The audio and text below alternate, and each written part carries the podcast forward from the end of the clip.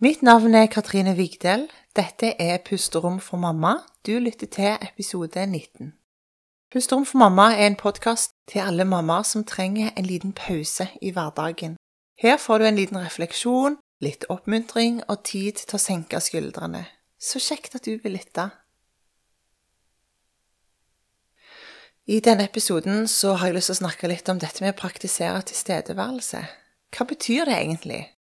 Kanskje gjør vi det litt mer innvikla enn det det egentlig trenger å være? Det høres litt sånn fancy ut. Å praktisere tilstedeværelse betyr egentlig bare å være til stede i øyeblikket, akkurat der du er. Du kjenner jo helt sikkert til uttrykket 'carpe diem', sant? latin for 'grip dagen'.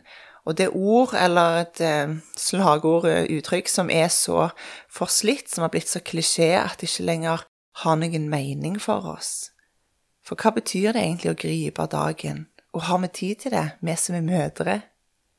For meg så har det å gripe dagen alltid vekket noen sånne negative assosiasjoner. Jeg kjenner nesten at jeg kan bli litt stressa av det.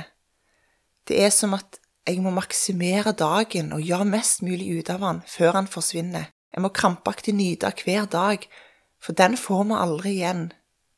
Høres ikke det veldig slitsomt ut? Jeg syns det. Dagen i dag er den eneste vi faktisk lever, men det betyr ikke at vi skal tyne mest mulig ut av den.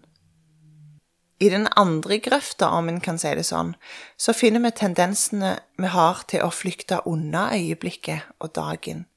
Vi lever hele tida for det som ligger i framtida, og bekymrer oss, uroer oss eller planlegger i forkant. Vi prøver liksom å foregripe ting før de skjer, eller vi lever i fortida, tenker på ting som vi aldri fikk gjort, eller ting som vi angrer på, eller på vonde opplevelser. Sånn som vi, vi flykter liksom i den ene eller andre retningen. Eh, vi er ikke der vi faktisk er, på en måte. Vi er ikke der føttene våre er. Ofte så tror jeg det er sånn at når hverdagen føles slitsom og hektisk, så flykter vi mentalt til alle andre steder enn øyeblikket vi lever her og nå. Og når dagene er ekstra travle, så er det nesten som at motivasjonen vår er å bli ferdig med ting på programmet. Bare bli ferdig med det, og så ferdig med det, og så ferdig med det, og så videre. Og da jager vi på en måte hele tida framover. Vi vil bare bli ferdige med ting, få unnagjort ting. Men jeg tror det fins mye hvile i det å være mentalt til stede i øyeblikket. Det kan kjennes litt sånn skummelt, fordi øyeblikkene kan jo ofte være strevsomme eller vanskelige eller hektiske. Det er en grunn til at vi mentalt flykter litt unna enkelte hverdagssituasjoner. Sånn det å finne hvile i å være der føttene er, uansett omstendigheter, høres litt sånn det høres ut som noe som er fint på papiret, men det funker ikke i praksis. Men jeg tror faktisk det funker i praksis, for det handler egentlig om å roe ned mentalt. Og stenge av litt for alt dette som rører seg i oss av støy mentalt, og bare koble oss på øyeblikket her og nå. Det er ikke sikkert du skal gjøre så mye, men det å praktisere tilstedeværelse handler rett og slett bare om å være oppmerksom øyeblikket du, du til enhver tid lever. Ta det øyeblikket akkurat nå som et eksempel. Hvor er du mens du lytter til denne episoden? Hvor er føttene dine? Akkurat der, i møtet mellom føttene og underlaget, er nøkkelen til det å være til stede. Vi er fysiske vesener bundet til tyngdekraften og tida. Vi er alltid bare her og nå der føttene er. Så hvor er føttene dine akkurat nå? Når du har blitt oppmerksom akkurat hvor du er, kan du begynne å utforske litt videre. Det å praktisere tilstedeværelse, det handler om å være nysgjerrig i møte med de umiddelbare omgivelsene. Hva ser du rundt deg? Hvem andre er det som er der? Hva gjør du akkurat nå? Er hendene dine opptatt med noe? Hvordan er været? Hvordan er støynivået? Er det stille? Er det kaotisk? Hvordan er stemningen? Hva dag er det i dag? Hva er det som er fint med akkurat dette øyeblikket? Et uh, viktig, men ikke avgjørende poeng, men et viktig poeng i det å praktisere tilstedeværelse, det handler om pusten. For som regel så går vi rundt og holder på pusten mer enn vi er klar over. Sant? Med en gang det skjer noe veldig hektisk og intenst, eller noe som krever mye av oss, så holder vi ofte pusten. Mye mer enn det vi er klar over. Eller sånn generelt sett så puster vi veldig sånn på overflaten. Jeg har allerede en hel episode om pusten som du kan gå tilbake og lytte til hvis du ikke har gjort det allerede. Det er episode 14. Men pusten tror jeg gjør at vi klarer å liksom samle oss litt mentalt og gjør det lettere å være til stede når du klarer liksom å trekke pusten dypt, rett og slett. Ta deg en skikkelig magedrag. Trekk pusten dypt, fyll lungene, pust sakte ut. Kjenn hvordan du finner roen her og nå, samme hvor du er, og samme om det er høyt eller lågt støynivå.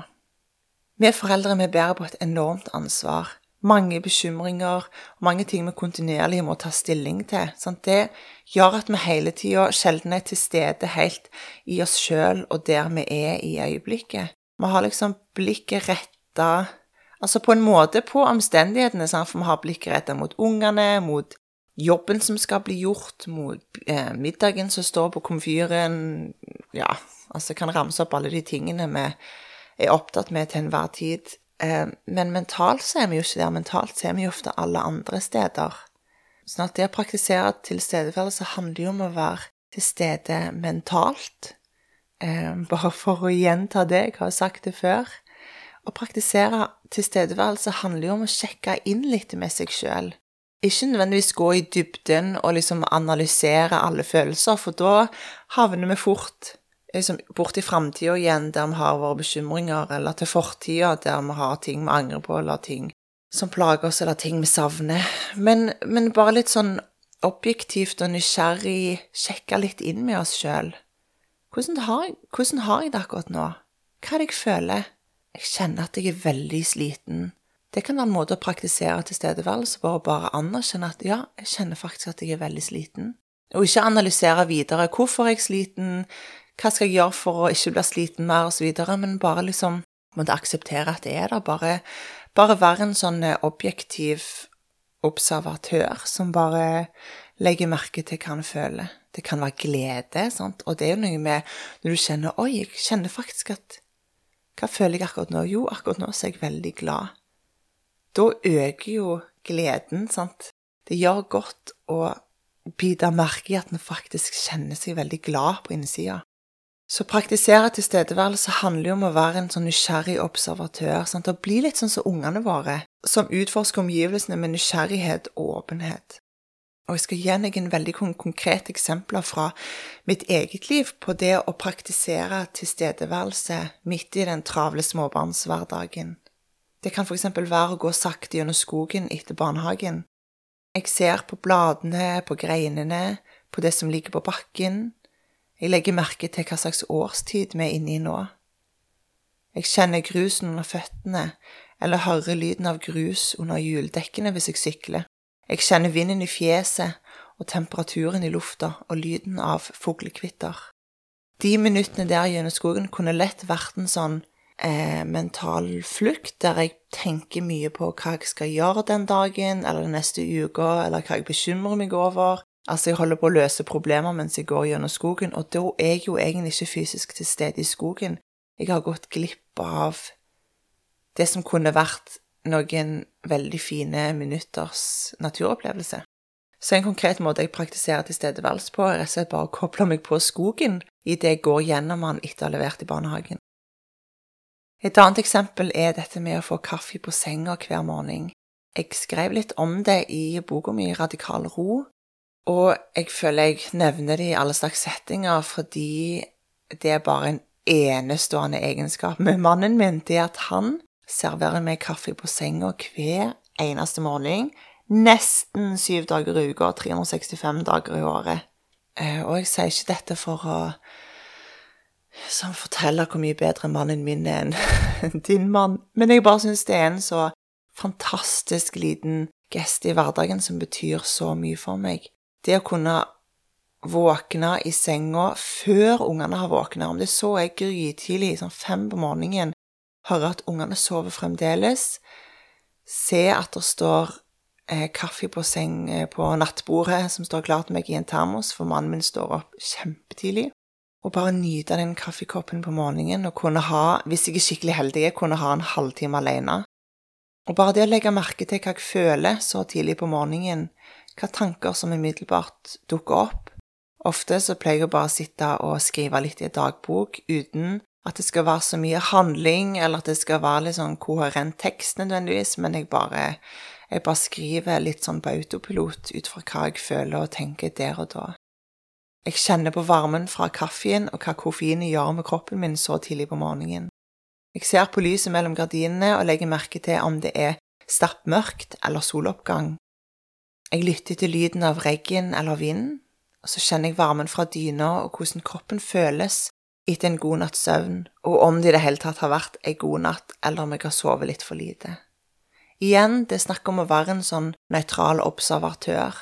Kjenne litt etter. Åh, jeg kjenner meg daudtrøtt. Jeg er ikke klar for å starte dagen. Og det er greit. Trenger ikke analysere så mye mer enn det, men det er bare å koble seg på seg sjøl litt. En annen konkret måte jeg praktiserer tilstedeværelse på, er i leken med ungene på gulvet. Når jeg sitter på gulvet og leker med dem og og gjør det som La oss vel Altså, la oss være helt ærlige.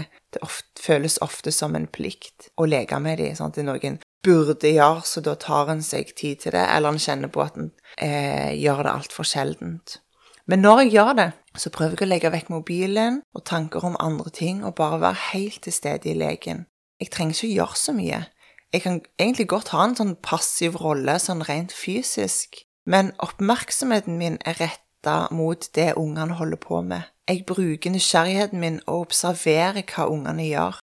Og akkurat dette så tror jeg jeg kommer til å si noe om eh, i en senere episode. Dette med såkalt independent play. Jeg vet ikke hva han kaller det på norsk, men dette med viktigheten av å la ungene finne en selvstendighet i leken. At vi som foreldre ikke skal ta en sånn veldig aktiv rolle styrende rolle i leken, men mer bare være en sånn passiv deltaker. Hvor mye gull der finnes i det, både fordi er, den enkleste måten å være deltakende i legen, legen, på, det er å bare være der med fysisk med kroppen og med blikket, men ikke ta så mye ansvar for legen. Eh, men òg hva det gjør med ungene, eh, og hvor mye det betyr for ungene at du bare er der selv om du ikke gjør noe, så lenge du er mentalt kobla på situasjonen når jeg praktiserer tilstedeværelse, eller oppmerksomt nærvær, som det kalles, så hender det jo at jeg blir oppmerksom negative ting som føles ubehagelige. Eksempel hvis jeg har vondt i hodet og legger merke til akkurat hvor vondt det gjør. Eller jeg er på kjøkkenet og legger merke til akkurat hvor rotete og skittent det er, sånn at jeg ser det med et klart blikk. Eller jeg blir oppmerksom negative følelser, sånn som sinne, frykt, bekymring osv. Men det som aller oftest skjer når jeg klarer å være der føttene er, når jeg på en måte klarer å finne pusten og roen og dempe det mentale støyet og bare være til stede, og bare være en sånn nysgjerrig observatør, det er at jeg begynner å kjenne på takknemlighet. Dette handler jo om en muskel som jeg har trent opp over flere år. Dette å fokusere på hva jeg er takknemlig for, og uttrykke det eksplisitt. Men det som er så fint med det å praktisere tilstedeværelse, eh, syns jeg, det at en, Ja, en blir liksom oppmerksom negative ting som en kanskje har forsøkt å flykte ifra, men en blir òg oppmerksom på alt en har å være takknemlig for. Alt det som en er velsigna med, alt det gode som omgir en. Det kan være så enkelt som at jeg sitter i stua og prøver å være til stede i øyeblikket, og så slår det meg Altså, det åpenbare slår meg. Dette er min stue. Dette er vårt hus. Vi eier dette huset. Vi eier et hus. Ting som vi bare tar for gitt. Eller det kan zoome så veldig konkret ned som at å, den kaffekoppen jeg holder i hånda nå, den er faktisk varm fremdeles. Så når jeg blir oppmerksom på omgivelsene og alt det gode som er der, så setter jeg ord på det inni meg. Takk for denne fantastiske lukta av barnåler og måse i skogen. Takk for fuglene som kvitrer. Takk for et kjøkken som er skittent og kaotisk, etter flere måltider på rad som har gitt næring til kroppene våre, gitt oss energi og smakt godt og gitt oss en god eh, middagsstund. Takk for dette kjøkkenet som er mitt. Takk for at vi bor her. Takk for ungene mine, for at jeg er så heldig at jeg er mamma, og at disse ungene er mine. Takk for alt det magiske og fantastiske og rørende jeg får oppleve i mammarollen. Takk for denne varme kaffen på morgenen som føles som trøst etter en dårlig natt. Takk for duploklosser og unger som finner roen i leken. Takk for evnen til å kjenne på nysgjerrighet. Takk for en frisk kropp som gjør at de kan sitte på gulvet og leke med dem, eller springe rundt i stua. Takk for leken og humoren. Takk for den gode følelsen i kroppen etter at en har satt ord på følelser og blitt møtt på dem. Takk for en god klem. Å praktisere tilstedeværelse og være der føttene er, det handler om noe helt annet enn Carpe Diem. Det handler om noe helt annet enn dette jaget etter å nyte maks og få mest mulig ut av øyeblikkene. For det handler ikke nødvendigvis om at vi må gjøre så mye eller forbedre oss på noe vis. Det handler rett og slett bare om å være til stede i dette livet som du har fått, i denne intense småbarnshverdagen eller babybobla som du lever i. Disse dagene som føles intense og vanvittig slitsomme, men som allikevel, tross alt, forsvinner ganske fort. Jeg håper denne episoden har vært til trøst og hjelp. Takk for at du har lytta, og husk at du er høyt elska, høyt verdsatt og en god nok mamma. Vi snakkes.